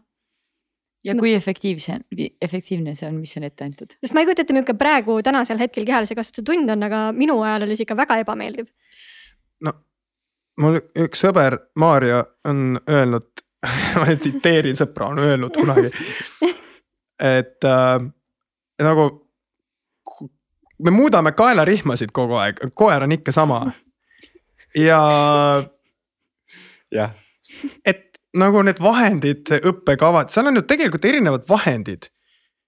aga õpetaja on see, kes neid annab ju õpilastele ja number üks on ikkagi see inimene, kes ja kuidas teeb seda tundi või läbi viib ja kas ta jõuab õpilasteni ja kas ta aktsepteerib õpilasi sellistena, nagu nad on. Äh, võib-olla ka need selle tausta või looga, kust nad tulevad. ja ma ei tea, nagu haamer on laual, aga nagu sõltub sellest, kes seda kasutab ja kuhu ja kuidas lööb, noh. et äh, me võime neid õppekavasid teha igasugust, loomulikult on natuke paremaid, mitmekülgsemaid on ju õppekavasid, plaane. Need on lihtsalt haamrid, noad, ma ei tea, kahvlid. ja siis, kui sa nüüd paned eh, selle mingi, eh, ma ei tea, kummisangaga haamri, on ju. tuleb mingi õpetaja, võtab ikka valepidi kätte ja peksab seda vastu seina, on ju, ei saa naela seina, noh õpetaja on võti ja iga inimene, see õpetaja ka peab tööd tegema iseendaga ja mitte meie ei õpeta lapsi okei okay,, õpetame küll, on ju, aga lapsed õpetavad meid ka ja õpetajad, kes ei tunnista seda, et neil on lastelt kogu aeg midagi õppida. kolm punkti. Kust me saame sellist õpetajat? oota, aga samas ma siinkohal ütleks võib-olla seda, et minul tegelikult olid, minu arvates olid väga head õpetajad, mulle väga meeldisid mu kehalise kasvatuse õpetajad, aga mulle ei meeldinud see, et ma pean mingit Cooperit jooksma teistega võidu mingi aja peale. miks ma pean seda tegema? kas sa küsisid õpetaja käest seda, miks sa pead seda tegema? ei küsinud tuleb küsida, ma ütlen õpi-, õpilastele, küsige minu käest. ma ütlen enda omadele ka, kui ma midagi annan, et, et mingit, mingit äh, mingit töövahendit, mingi spordiala ja teil tekib see tunne, et miks ma teen seda, küsi. aga miks ma pidin jooksma Cooperit näiteks, kas sul on mingi info selle kohta? no sinule ikka oleks pidanud see õpetaja vastama. tõenäoliselt äh, tema vastus oleks olnud, et äh, see on õppekava osa yeah. ja seda tuli teha. aga see õppekava ei saagi kunagi muutuda, kui õpilased ei julge küsida. ja kui õpetaja ei oska vastata sulle, miks ta seda teeb, siis ta ei tea, mida ja miks ta sulle õpetab, üks-null õpilasele aga samas mul on nagu õpetajast ka kahju, et kui talle on ette antud, et ta peab kõigiga nagu läbi tegema need konkreetsed testid, siis ma ei taha ju talle ka nagu pahaks seda panna, et. miks sul on õpetajast kahju, kes on ise valinud selle töö ja ameti? ja selle õppekava, sellega kaasa on tulnud. sest ta on tore, hea inimene see on täiesti eraldiseisev asi sellest. ja ta on ka väike mutter suures kaadervärgis on ju no aga meil on valida, kas me jookseme kaadervärgiga kaasa või me muudame mängureeglid. aga kas sina saad muuta mängureegleid, kas sa täna tunned, et sinul on täielik vabadus äh, teha täpselt nii, nagu sina tahad? Ja on küll, aga ma olen ka valinud selle, et ma töötan praegu koolisüsteemis. et, äh, et, et ma noh, et, et seal on nagu, seal on ka mingid piirid, mingi raam, väga selge raam on seal, kasvõi vahetunnid ja tunnid ja nende kestvus. aga mina vastutan selle valiku eest, et ma seal olen ja näiteks kui keegi, kui ma, no okei okay,, ma ei kurda täna, aga ma isegi ei tahaks, et kellelgi mul kahju, minust kahju oleks, sellepärast minu valikud ju. et ma võiks teha ükskõik mida muud, on ju, et kõik, mis ma tahan, öelge mulle otse tagasiside välja mm, -hmm. siis mul on võimalus areneda, siis on võimalus midagi muuta. aga mure on selles, inimesed kardavad ja noored, paljud noored kardavad õpetajat, miks? autoriteet, väga tugev selline kollektiivne mõju, et õpetaja, kuna ta on õpetaja, siis ta on targem. tegelikult ta alati ei ole seda. tarkus ei tähenda seda, et ma olen läbinud mingi programmi kaksteist aastat, oh ei äh,. intelligentsus on pisut midagi muud kui intellektuaalsus või miski, mida me oleme raamatutest lugenud või, või, või mingit programmi läbinud. noh, jah, see on ka võib-olla eraldi teema, et, et, et julgeda küsida, julgeda olla see, kes sa oled ja, ja tänu sellele on võimalus anda ka teistele nii-öelda arenguks võimalusi, jah. aga mis oleksid sinu soovitused õpetajatele, kes tunnevad, et äh, midagi on nagu valesti, aga nad nagu väga ei julge äh, muutusi luua. ja tegelikult ma küsiksin võib-olla või esitan sama küsimuse ka Johannes sulle õpilaste kohta. et siis sa võid juba mõelda. no ütle ei noh, selles mõttes no kui, kui sul on noh, ükskõik, tööandjale ütle ei, kui ta andab sulle mingi jabura ülesande. laseb ära tee lahti. seda, siis on ka vajalik, et see juhtub see ei ole mingi metatasandi jutt praegu, see, see on kõik vajalik selleks, et me liiguksime elus eh, sinna, kuhu, kuhu, kuhu me tahame minna või et me. kas me tahame elada teiste elu või enda unistuste elu? see algab sellest, et. oota, kas see oli küsimus, me ei saanud vastata vastake tahan elada enda unistuste elu muidugi, et äh, meil on, meil on nii palju tähelepanu teistel ja seetõttu, et ta on teistel, siis me kogu aeg tarbime seda informatsiooni, mida teised ütlevad meile, kuidas me peame elama, mida me peame tegema, mida me peame õppima, kus me peame olema. ja kui me toome nüüd tähelepanu endale, oleme rohkem enda kontaktis, usaldame oma e, tundeid, enda päris mõtteid, siis me elame enda elu. Ja see on võimalik siis, kui me ütleme väljapoole ei nendele inimestele ja nendele tegevustele, olukordadele, mis meid ei teeni siis on võimalik öelda jaa enda elule, et see on nüüd iga inimese väljakutse. kelle elu sa tahad elada? ühiskonna? ühiskonnaelu, noh siis elad ühiskonnaelu, ma ei ütle, et ei ole vale ega õige, aga, aga noh, need nende valikud mina õpilase poole pealt ütleks vist seda, et tegelikult see küsimine või nii-öelda aus olemine kohas, kus tihti ei oodata seda ausust, on ju see tegelikult ei ole üldse nii suur probleem, kui võib-olla võib tunne jääda, kui sa vaatad inimesele nagu siiralt, päriselt otsa sa tunned seda rõõmu või nagu headust on enda sees nii palju selles hetkes, kus sa küsid seda või päriselt tahad teada, siis sul ei saa nagu halba teha, see inimene on nagu. seal on mingi helluse pool selles, kui sa küsid siiralt päriselt selleks, et parandada enda ja teiste elu, mitte lihtsalt sellepärast, et viristada tunnis mingi kehalisele, et aa vihma sajab, et ma ei saa joosta või et mingi pesapallis on imelik põrkav maa meil täna, aga see oli põrkav maa laagris, et, et seal on erinevus nagu virisemisel või siis selle, et kas ma saan päriselt midagi paremini teha, et kas minu küsimine aitab teistel äkki paremaks teha ka seda kogemust. ma ei tea, minu arust nagu vaatad inimestele siiralt silma ja tegelikult vähemalt meie koolis on väga normaalsed inimesed olnud, kes tihti on ka mulle öelnud ei asjade peale, sest et nii on nende reegel raam, on ju. aga nad ei ole kunagi ignoreerinud mind inimesena, nad on alati näinud seda, et minu soovid tulevad päris kohast milline üldse tänasel hetkel kehalise kasvatuse tund välja näeb? mul on sellest väga kaua möödas ma ei tea, millal sa viimati käisid? ammu. et kas on ikka veel samasugune nagu, ma ei tea, viisteist aastat tagasi, kakskümmend aastat tagasi? see vist sõltub koolist ka. Just. et on ikka koole, kus on ka täiesti vanakooli lähenemine veel? jaa, ega meil on ka, nagu ma alguses mainisin, et on, meil on noh, üsna mitmekülgne kollektiiv kehalise kasvatuse poole peal ja noh on õpetajad, kes teevad minu teada ka Cooperi testi veel põhikoolis. noh, ma, ma korra lihtsalt siinkohal nagu peatun ja ütlen, et ma ei ütle, et see on nagu halb, see on ka vahend äh,. Küsimus lihtsalt on, et kas see on nagu mõistlik koolis, kus äh, need õpilased ei ole tegelikult valinud seda nagu ala või seda spordiala ja kus nad on nii erineva taustaga. ja, ja eriti, kui sa pead veel nagu aja peale jooksma ja hinde peale, noh see on, see on nüüd küsimus õhku, ma ise ei, nagu ei vasta sellele praegu.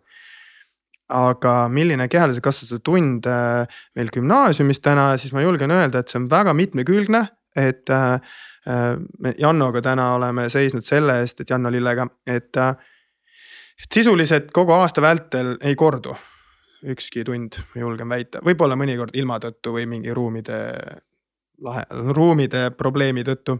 aga sulgpall, airtrack'i jõhkrada, ma ei tea, ronimissein, kiikingu kiik, Ameerika jalgpall, pesapall, frisbee äh,. Nüüd tuleb tennis meile kooli, meil on nüüd jalgrattad, rulluisud.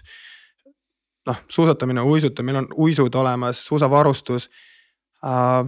julgen väita, et kehalised tunnid on meil koolis väga mitmekülgsed ja äh, seal on nüüd väga oluline ka see ka filosoofia, et äh, lasta nagu õpilastel äh, omas rütmis nagu seda ala õppida, tunnetada, et see koormuse pool ka, et kui me räägime nüüd jooksmisest, on ju.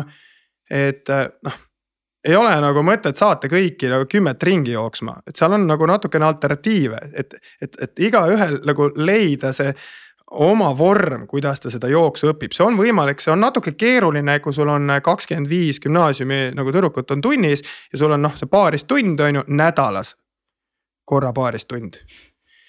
see on nüüd see koolisüsteemi nõrk koht, et kehalist võiks ja peaks olema rohkem, ma, ma arvutasin välja et, üheksakümmend või üheksakümmend viis protsenti nad istuvad tundides ja siis viis protsenti on kehalist. no see on see koht, kus nagu tahaks nagu lihtsalt nagu laua visata kuhugi nurka noh ma ei tea, kõik meil see sõna sport ja mida me siin teeme ja räägime, nüüd me jõudsime siia, on ju, kus on paaris tund kahekümne viiele tüdrukule et, et selle aja jooksul me, me proovime, kui vähegi võimalik ja me arvestame igaühe individuaalsust, me ei, me ei suru peale kellelegi midagi, mida nad ei taha teha.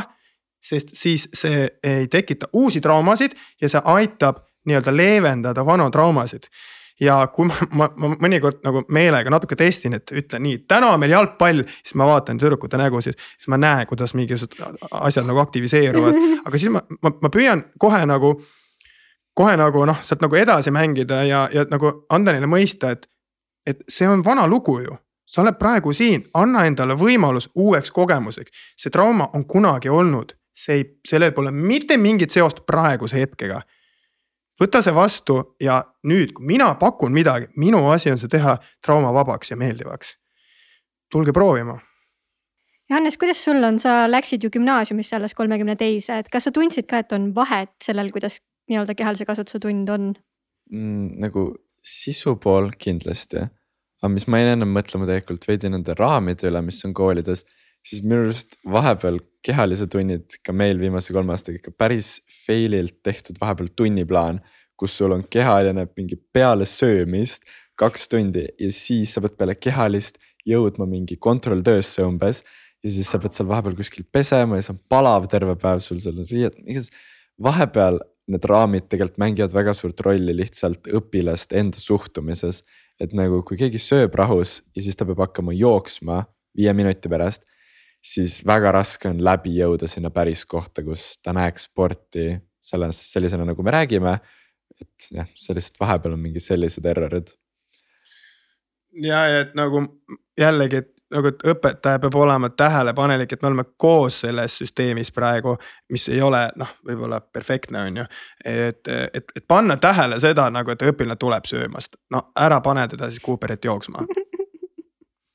kui raske see saab olla, noh, no aga, aga see ongi see, et me, me, me ei nagu ei, me ei märka, me ei pane tähele sest võib-olla meil on endal siin palju nagu mõtteid peas ja me peame lihtsalt ka seda programmi täitma ja kõik, minu jaoks kõik taandub täna tähelepanuni ja märkamiseni ja kuulamiseni.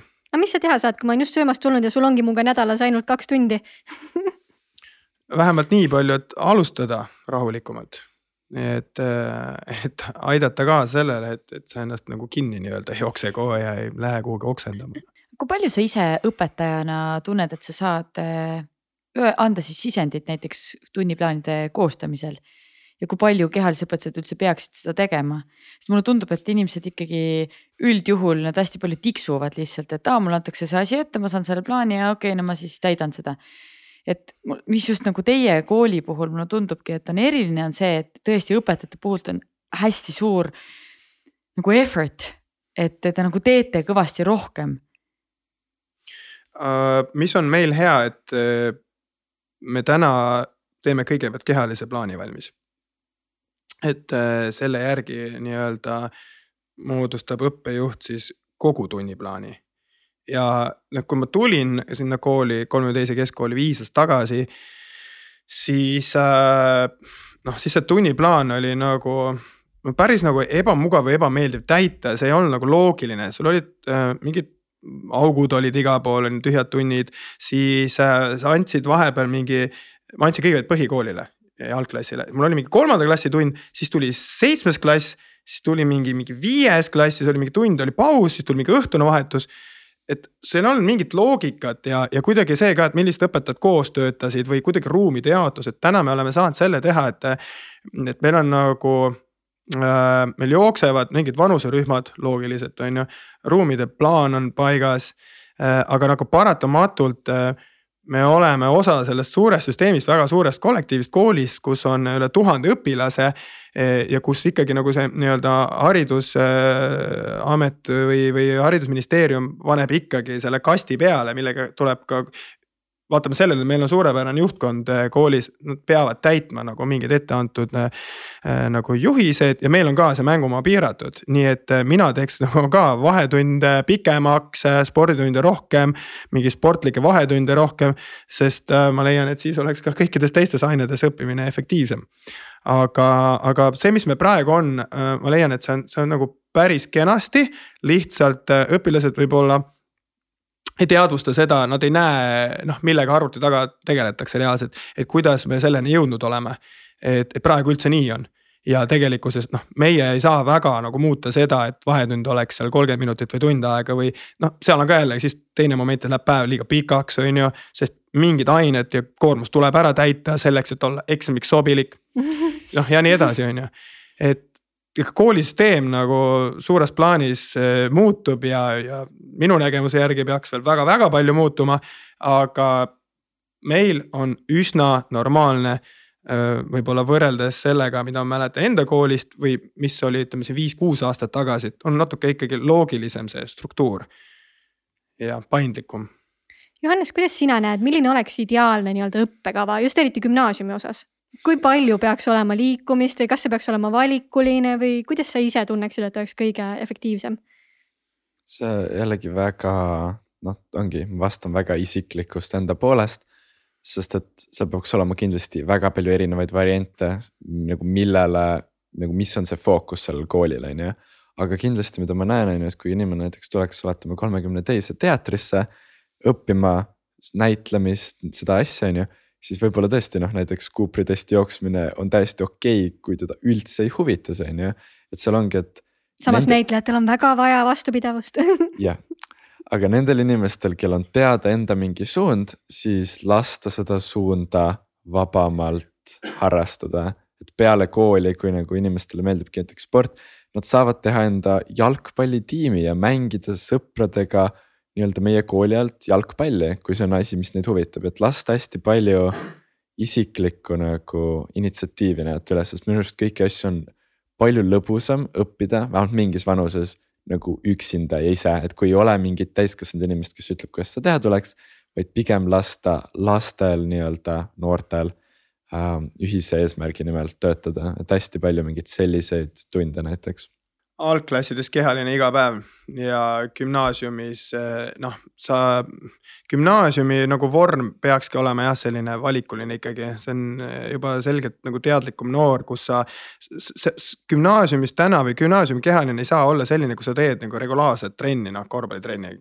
see, see ei ole see koht sa tutvustad erinevaid alasid, on äh, tore, et noored saavad koos läbi selle nii-öelda integreeruda, mängida äh,, tunda ennast hästi, pingeid maandada, sest mäng seda ju teeb, on ju. ja, ja tutvudagi uute väljunditega. aga algklassid, see on kindlasti äh, väga oluline koht, seal on nii-öelda äh, liikumisharjumuste loomine, süvendamine, seal on ülioluline teha seda targalt äh,, ilma traumadeta äh,, anda jätku põhikoolis ja siis gümnaasiumis on meil noh, selgelt rohkem mitmekülgselt arenenud noori, kes äh, ka naudivad koos sportimist ja ükskõik, mis spordialaga siis tegu on. ja ei ole see, et mulle ei meeldi, see on halb, aga ma proovin, ma mängin, see on okei okay. ja kui ma ühe korra aastas proovin ka seda, mis mind ei kõneta, see on ka okei okay,, sest see on ühe, üks kord aastas. nii nagu ma ütlen ka jalgpalli kohta, ma ütlen ka tüdrukutele, sa ei pea jalgpalluriks saama, me teeme selle ühe korra aastas. või võib-olla äh, kolme gümnaasiumi nagu aasta jooksul noh, kolm korda on ju, aga siis teen ka erinevad harjutused, erinevad trenni, trennid nagu kas see, et kehaline kasvatus võiks olla valikaine, kas see on nagu soovunelm või see on päriselt oleks ka reaalne, sest et minu jaoks see tundub äh, noh, kui kogu selle vestluse peale, mis me täna oleme pidanud ja see, mis sa ütlesid, see tundub väga loogiline. et sa tekitadki sellise tunni, kuhu noored tahavad minna, et see on see, et ta ei ole seal vastu tahtmist, aga ta vaatab, et okei okay, teised käivad uh,, nad tegid nii ägedat asja uh,, okei okay,, nad liikusid. ma tahan ka saltata õppida. ja nad liikusid päeva jooksul, nad on järgmise, ma ei tea, tunni ajal efektiivsemad et kas on see nagu päriselt võimalik? Äh, see on siis, kui kogu nii-öelda püramiid toimib algusest kuni selle valikaineni, sellepärast et praegu on vaja paljude huvides, et ta on kindlasti sees, sest et äh, noh, paljud noored nagu ei teadvusta seda, et, et noh, neil on vaja seda tundi tegelikult. kasvõi selleks, et tulla lihtsalt korraks sealt ajaloo, matemaatika või eesti keele nagu tunnist välja, ennast füüsiliselt nii välja elama.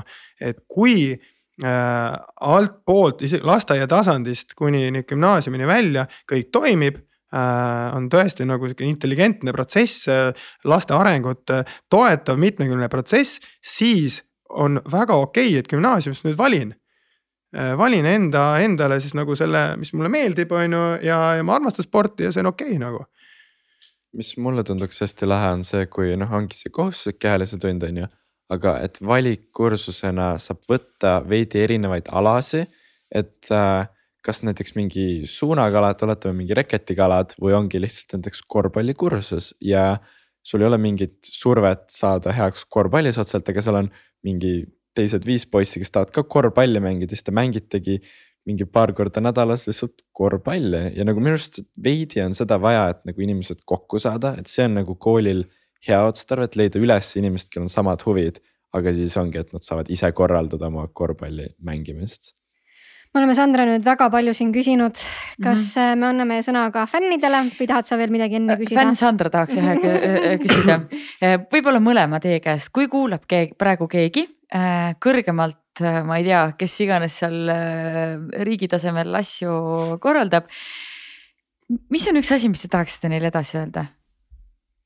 kellel on tõesti, see on inimene, kellel on tõesti võimalus midagi ära muuta just kooli kehalise kasvatuse, ma ei tea, reformi, reformimisel mina ütleksin, et ta võiks oma nagu lapsi hästi kasvatada ja see oleks juba väga hea koht. ma ei tea, nagu ma olen väga kaugel sellest maailmast ja mõtlen lihtsalt oma lapse pilguga siin, aga nagu riik on natuke veider üksus ja minu arust pere on nii palju tähtsam üksus, kus nagu saab nii palju lihtsalt rohkem ära teha, et pigem mainiks seda, et ma lihtsalt loodan, et ta on väga hea lapsevanem ka. Ja see on hästi nagu välja toodud um,. no üks on see, et uh, tule, tule kooli ja vaata, kuidas kohapeal päriselt elu käib. et tule vaata ja ma ei tea, tule tee see üks kehalise kasvatuse tund kaasa või tule proovi näiteks. kui sa oled mingi spordiala taustaga, et, et tule nagu jaga enda kogemust ja, ja tule sellepärast ja ainult siis, kui sa päriselt tahad. Ja mitte sellepärast, et ma ei tea, meedias on vaja sobivat artiklit, noh. ja teine asi on, et et meil on, oleks tore, kui keegi aitaks meil ühe lisaspordihoone teha. sellega saab väga palju aidata. Teie koolile? ja, ja see on järgmine plaan. mis te siis plaanite? no meil on vaja ühte kaarhalli oh,, okay. et, et äh, spordivaim kasvab, lastespordiringid, meil on üle saja lapse juba. Ja, ja et algklassidel oleks nii-öelda võib-olla oma spordimaja ja siis, kus võib-olla saaks ka äh, spordiprojekte edasi arendada, sündmusi ja noh, meil, meil tegelikult täna on kõik olemas selleks, et äh, kellel huvi on, tahab meid kaasa aidata, siis äh, tule, tule koha peale ja, ja me näitame, mida me teeme, me räägime, tule räägi noortega, las noored annavad tagasisidet ja. ja võib-olla saame koos äh, teha midagi, mis kannab oma endas nagu suuremat sõnumit ja kõnetab äh, rohkemat kui ainult meie kooli rahvast. et see, see on äh, nagu hea võimalus panustada millessegi nagu laiemasse või, või ka inimeste tervisesse, vaimsesse ja füüsilisse tervisesse, tervisesse no vaadates seda, mis tempoga te olete sinna endale asju ehitanud ja mis võimalusi tekitanud, siis ma arvan, et see, see spordihall on ainult aja, aja küsimus, aga, aga mitte, et sellele jääda lihtsalt nagu lootmatu, see niikuinii tuleb, siis. kõik saavad sulle otsa kirjutada, jah? jaa. kus nad kirjutama peavad? no kui nüüd see kaarhalli ehitamiseks läheb, siis võib Facebookiga kirjutada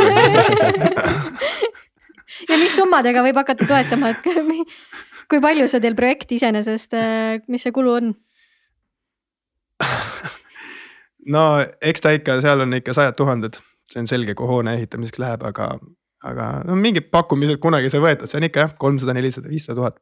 et see on nüüd selline, me just üks päev siin rääkisime ka, et need sellised väiksemad eesmärgid on kõik nagu täidetud ja sisuliselt kõik taotlused on saanud positiivsed vastused, kõik nii-öelda lubadused või mõtted on meil tehtud ja. ja tegelikult see selline lisahoone nagu idee on olnud ka algusest peale, et, et et kooli juures olekski tegelikult see mm, selline väike selline nagu klubi tegutseks, mis, mis ongi nii-öelda lastele suunatud, kus siis on nagu mitmekülgsed trennid, et see täna tegelikult toimib ja meil on ruumipuudus ja see on nagu reaalne vajadus. nii et äh, kes tahab, palun, see on hea võimalus nagu reaalselt panustada laste sporti. väga äge. nii, aga mm, meil on siin paar küsimust tulnud äh, fännide poolt minnes edasi sellesama riigi riigi teema pealt, siis Eesti noored rasvavad rekordkiirusel. kui sul oleks Eestis ainuvõim, siis millise seaduse kehtestaksid, et olukord muutuks? lihtsalt üldiselt rääkides mind veidi häirib see tihti, kui tehakse seadused inimesed, kes ei ole kogenud läbi neid samu asju, on ju. ongi, et ei ole käinud viiskümmend aastat võib-olla koolis see inimene, kes teeb neid kooliseadused, on ju et ja noh, on ka raske tegelikult kogeda kõike ja hallata kõike. kogu see seaduste teema on lihtsalt väga keeruline. Meelis, kas sul on mõni idee? aga sa mõte? saad praegu täna ise teha, mitte keegi teine ei tee seadust, sa ise seadus. saad öelda. aga ma jällegi olen kogenud nii kitsas kohas tegelikult elu, et see on raske ma loodan, mul ninast verd jooksma hakanud hetkel ei ole näha, anname hetkel märku. andke teada, kui voolab, kui siia valge selle särgi pealt uh,. see on selles mõttes, see on, see on nagu hea küsimus, sest ka seadustega saab nagu reguleerida seda ju, mis toimub eh, riigis. kuigi nagu seadustega ei saa nagu teadlikult inimest nagu kasvatada, on ju. ta on abivahend ilmselgelt, et kaitsta, mingite seadustega kaitsta neid, kes vajavad kaitset. et panna võib-olla raami paha, pahalasi, on ju et äh, ma toon võib-olla näite, see oli kaks aastat tagasi, kui me olime põhikooliga äh, laagris, siis me läksime matkale ja siis noh, kõik tahavad poodi minna. nagu, mis värk sellega on, meil on toit laagris olemas, meil on puhvet olemas, jätsi müüakse, on ju, kõik tahavad poodi minna. ja siis me läksime, ma ütlesin, okei okay,, no lähme poodi, no miks ma pean keelama midagi, sama asi nagu me ei, me ei saavuta edu, kui me keelame telefoni kasutamist, me peame õppima kasutama seda kui vahendit. ja poes käiguga on ka sama, et, et äh, noh miks me sinna, ma küsisin, miks me läheme, on ju. no tahaks midagi head, no hea küll, läksin matkale. ja siis äh, sees oli sihukene, ütleme sihuke viie aasta laagrite korraldamise, spordivõima laagrite korraldamise selline ämber on ju, et kui nad nüüd kõik läksid sinna kuuekümnekesi sinna Haanja poodi. ja tulid välja on ju, spordivaimu särk oli seljas, siis olid need krõpsupakid suured ja kokapudelid olid käes ja mingid neoonkummikommid ja asjad. see oli nii vale, see oli nii halb. see oli noh, lihtsalt vaata otsa nagu spordivaimu särk, me räägime spordist, me räägime sellest, et äh, terves kehas terve vaim on ju, ma ei tea, salat ja mingid pähklid ja ma ei tea, allikavett käisime joomas ja. ja siis samal hetkel nagu noh, me nagu oma sinna masinasse nagu tangime, vabandust, nagu nii piip kütust, on ju. siis äh, see seaduse juurde tagasi tulles, siis äh, keelame nagu igasuguseid asju ja kohustame inimesi tegema igast naljakaid asju, on ju, siis äh, palun nagu keelake see rämpstoit ära noh võtke lettide maha kõik see nagu jura nagu, mis on nii, nii läbi töödeldud ja mis on tegelikult müüakse ainult selleks nagu, et lapsed ostaksid seda, sest me teame, kui lihtne on lapsi mõjutada nende asjadega. ja, ja suurematel võib selle alkoholileti ka nagu ära veidi peita, sest ma praegu mingi just käisin poes eile. sa vaatad üks kolmandik kommid, üks kolmandik alkohol ja siis ülejäänud on ka nagu mingi liha ja selline kahtlane aine ja siis väga väike nagu mingi päris toiduosa tegelikult tihti mulle meeldib see ka, et, et suurtest poodidest on nagu mingi sihuke terviselett nagu, mis asi see muu on siis kõik, ühte ebatervislikku ja siis on viis protsenti, see on tervislik lett. et äh,, et nagu, nagu see on, see on nagu nii veider, et me nagu müüme ja pakume seda, mis tegelikult hävitab inimest või aitab hävitada või suurendab nii-öelda sõltuvust. Et äh, üks võimalus on vähendada, mitte pakkuda seda nagu, kui me päriselt inimestest hoolime me ootame seda meest, äh, kes selle seaduse vastu võtab. nii et see mees, kui sa kuuled äh, või sa oled alles kasvamas, siis äh, tea, et, et sind oodatakse. jah. või naine. palju, palju lihtsam oleks loobuda kaitsmisest, kui neid ei müüdaks inimene. aga tegelikult me teistest küsimustest juba natuke rääkisime ka, ma tegelikult liigut-, liiguks soovituste juurde. sobib. üks asi, mida iga inimene võiks õppida. iseennast tundma. jaa okei ma võtan siis järgmise, üks teos, mida võiks tarbida, olgu see siis raamat, näidend, ähm, podcast. nagu spordi koha pealt otseselt ei tea, see minu arust nagu hästi ongi jälle enesetunnetuslik on ju äh,. võib-olla toitumine on rohkem valdkond, kus nagu peaks teadma nii-öelda mingit nii-öelda faktilist poolt on ju rohkem, mida me päriselt vajame mm,. ma soovitaks ühte tegelikult podcast'e Andrew Huberman teeb, äh, ta päris huvitavalt teaduslikult analüüsib lahti nii-öelda meie keha ja sealt saab palju tegelikult nii-öelda inspiratsiooni, kuidas tervislikumalt paremini elada siis teaduse põhiselt. ma ei tookski konkreetset äh, nagu raamatut hetkel välja või, või podcast'i, aga nagu kõik, mis huvitab, anna minna, loe raamatuid, mis sind huvitavad, kuula podcast'e, mis sind huvitavad, et äh,. see aitab sul ennast ja maailma paremini tundma õppida ja, ja, ja läbi teiste inimeste mõtete tekivad nii-öelda tagasipeegeldused ja sa, sa mõistad jälle iseennast paremini ja tekib mingi ahhaa-moment ja võib-olla tekib mingi uus huviala, mida proovida ja. ja ole, ole, ole avatud, aga samas ole ka skeptiline, et ära võta äh, kõike tõe pähe, mida räägitakse, äh, otsusta ise, proovi ise, et ähm, mis praegu ka nagu noh, hästi tundlik teema on ju ühiskonnas, siis, äh, siis me nagu mingisuguse infokillu põhjal nagu sõdime üksteise vahel ja, ja kuulutame mingit tõde, millest tegelikult endal aimu üldse pole. vahet ei ole nagu millega tegu on. Teo, teoste lugemisega ma tunnen hästi tähtis tegelikult, kus võib-olla isegi õpib rohkem, on see, et vaata enda reaktsiooni sellele teosele ja sellele nagu, mis tundeid sinust tekitab mingi info. kui sa näed infot, kas ma tahan, et see oleks tõene, kas, kas mind häirib see info, kas ma keel nagu kas. jah, nagu minu arust tegelikult ennast saab väga hästi tundma õppida, vaadates teiste inimese arvamusi ja siis nähes enda reaktsiooni nendele arvamustele. nõus. ja üks koht, mida iga inimene võiks külastada ma ei ole väga käinud vist kuskil kaugemal reisil kui nagu enda sees ja viimasel ajal ka hästi palju ringi jooksnud ja saanud käia reisil ja väga põnevates Eesti linnades, aga nagu need hetked, kus sa, kus sul on põnev, kas enda mõtetega olles või ilma nende mõteteta, et see on lahe koht. jah, et ma annaks kaks vastust. üks on süda ja teine on Lõuna-Eesti ma kirjutan mõlemale alla Rõuge jah? jaa. issand jumal, see on äh, meeletult sisukas äh, podcast olnud ja mul on tunne, et tegelikult sellel teemal teie kahega oleks väga-väga palju veel lahata. aga tänaseks me peame otsad kokku pakkima. no Meelis tuleb meile veel külla ja Johannes suure tõenäosusega peab meile ka uuesti veel külla tulema. millalgi peab update'i sinuga jah. aga aitäh, et te võtsite aja ja tulite. suur aitäh tõesti, et te tulite ja et, et te teete seda, mis te teete. samad sõnad aitäh, et oli võimalus jagada, nii et äh, noh, ükskõik nagu millistel teemadel äh, tulebki nagu jagada ja arutleda ja nii me loome nagu seda, mis, mida me elame ja koos läbi teeme, nii et aitäh. aitäh. aitäh, vaatajad ja kuulajad ja järgmise korrani. Bye. Sportland, Be First podcast